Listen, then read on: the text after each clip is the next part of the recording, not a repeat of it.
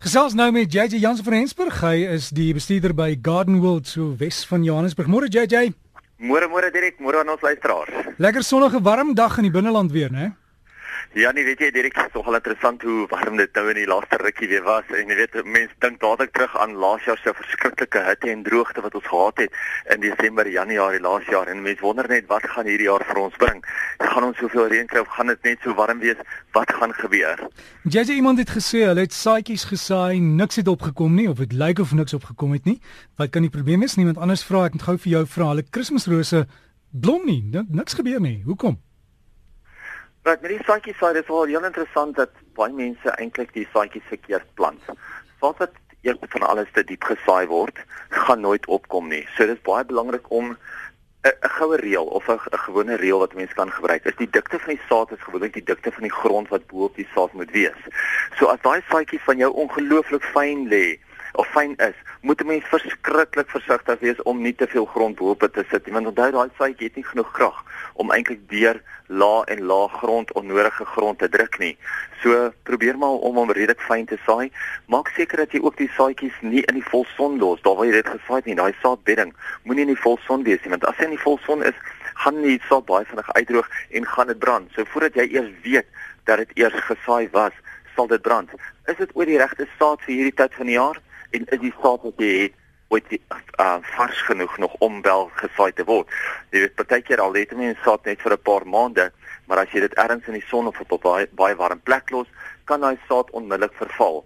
Jy weet ek het vroeër hierdie week toe praat ek met die dame oor gifstowwe. Toe sê sy my, "Maar jy op my gifstofhouer sê dit daar is daar 'n vervaldatum van die 3de maand van 2016." Toe sê ek, "Nee, onthou dit is die vervaardigersdatum altyd wat op die gifstowwe sit en nie die vervaldatum nie." En die vraag was, hoe kan 'n mens hoe hoe moet 'n mens weet wanneer verval dit? Jy weet en die, die probleem is dat net soos met die saad of as jy jou gifstowwe in die volson laat staan vir 'n dag of twee, verval dit onmiddellik.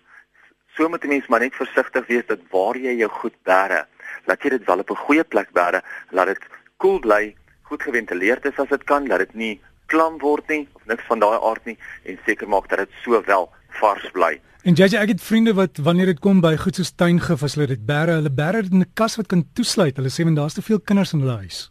O, definitief. Ja nee, jy moet dit altyd hoog opsit. Jy moet altyd in 'n kas sit wat wel kan toesluit. Dit is sonder twyfel ehm um, baie baie belangrik om dit te doen. Jy weet net so moet 'n mens probeer om eintlik al die seepe en so wat onder jou skottelgoed wasbak gewoonlik staan ook hoog weg te bære want dit is net so gevaarlik as 'n kind dit in die hande kry. En JJ dan die Kersrose? Kersrose, kyk jou Kersrose, as mens hulle te laat snoei in 'n jaar dan blom hulle nie.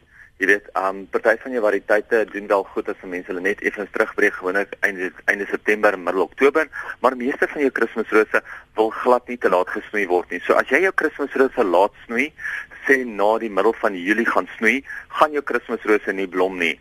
Tweede rede kan ook wees dat hulle nie genoeg lig kry nie. Onthou, alhoewel jou Kersrose um skaduwee soek, wil hulle ook baie lig hê en as hulle kan selfs agtermiddag son, dan gaan hulle op hulle mooiste blom. So kyk maar net daarvoor uit en dan die laaste enetjie is natuurlik onthou jy moet jou Kersrose voer. Kersrose is 'n suurliewende plant, so jy gebruik jou suurliewende voedingsstowwe om jou plante mee te voer sodat hulle wel gaan blom. As jy dit alles gedoen het en hulle wil nog steeds nie blom nie, dan haal jy hulle uit en jy plant vir jou nuwe. En jy sê dan ander dinge hierdie tyd van die jaar, wat moet ons nog doen? Daar is nie definitief. Dit het net gepraat van die lekker hitte wat ons het en dit is ongelooflik hoe baie plante al klaar sukkel met hitte uitputting. Jy weet jy sien dit al klaar met baie van die potplante, baie van die struike en dit gaan maar net oor die feit dat jou plante net nie meer kan byhou met al die hitte in die omgewing nie. Ek weet ons het in Johannesburg en Pretoria hierdie week 33, 35 grade gehad. Ek weet gedeeltes was ver oor die 40 grade gewees en baie van die plante staan maar in die volson buite of staan buite waar hulle aan alle elemente blootgestel word. So ons moet maar net seker maak dat ons wel die plante kan gereeld genoeg nat gooi. Gewoonlik sê ek mense moet dit nie in die aand nat gooi nie, maar as dit so verskriklik warm is soos wat dit deesdae is, dan moet jy mens maar in die aand nat gooi net om jou plante effens af te koel, net om die omgewing effens af te koel. Ongelukkig sukkel baie van jou tropiese plante ook met hitte uitputting. Hier praat ek van baie van jou ligplante, baie van jou boomvarings, jou palms, jou broodbome ensovoorts. En mense moet nou seker maak dat jy hulle ook meer gereeld nat gooi. Veral as jy kyk na jou ligplante.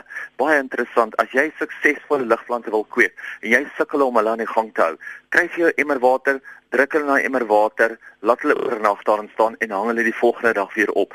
Is ongelooflik die verskil wat daai water of daai aand se benatting een keer 'n week aan jou ligplante vir jou doen. Die tweede ding is jou boomvarings. Baie mense weet nie dat jou boomvarings se wortelstelsels groei eintlik saam met die plante nie.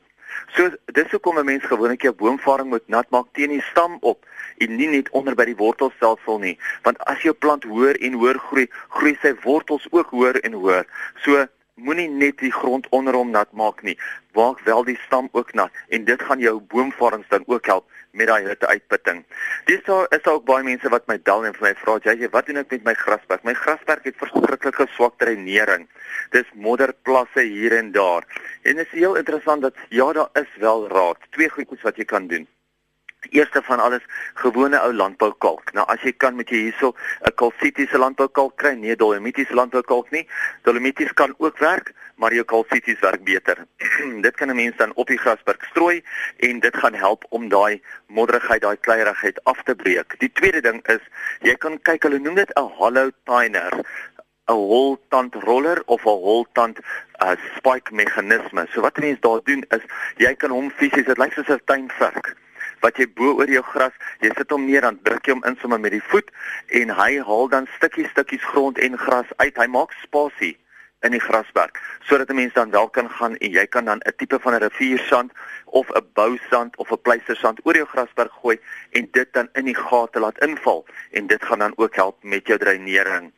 Laaste enetjie vir die dag is mense wat sukkel met hangmandjies. Kyk ek meen elke keer as mense kyk na hierdie Europese fotos of as jy kyk na Europese film dan hierdie pragtige groot hangmandjies wat vol in blom is, wat lowergroen is en mense raak sommer net liefs daaroor.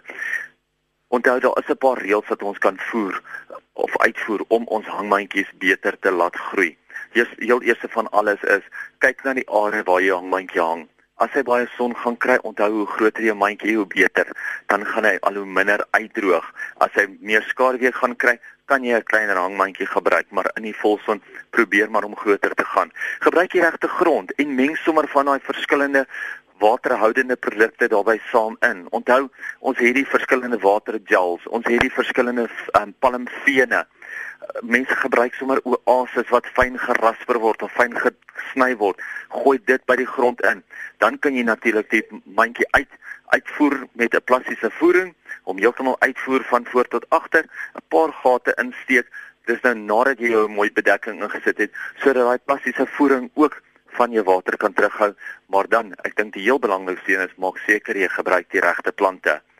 Baie plante hou nie van daai volson, daai warm winde, daai feit dat hy so vinnig uitdroog nie. Gebruik jy er ietsie wat wel geskik is vir die area en so gaan jy seker maak dat jy wel 'n gesonde, baie mooi hangmandjie het.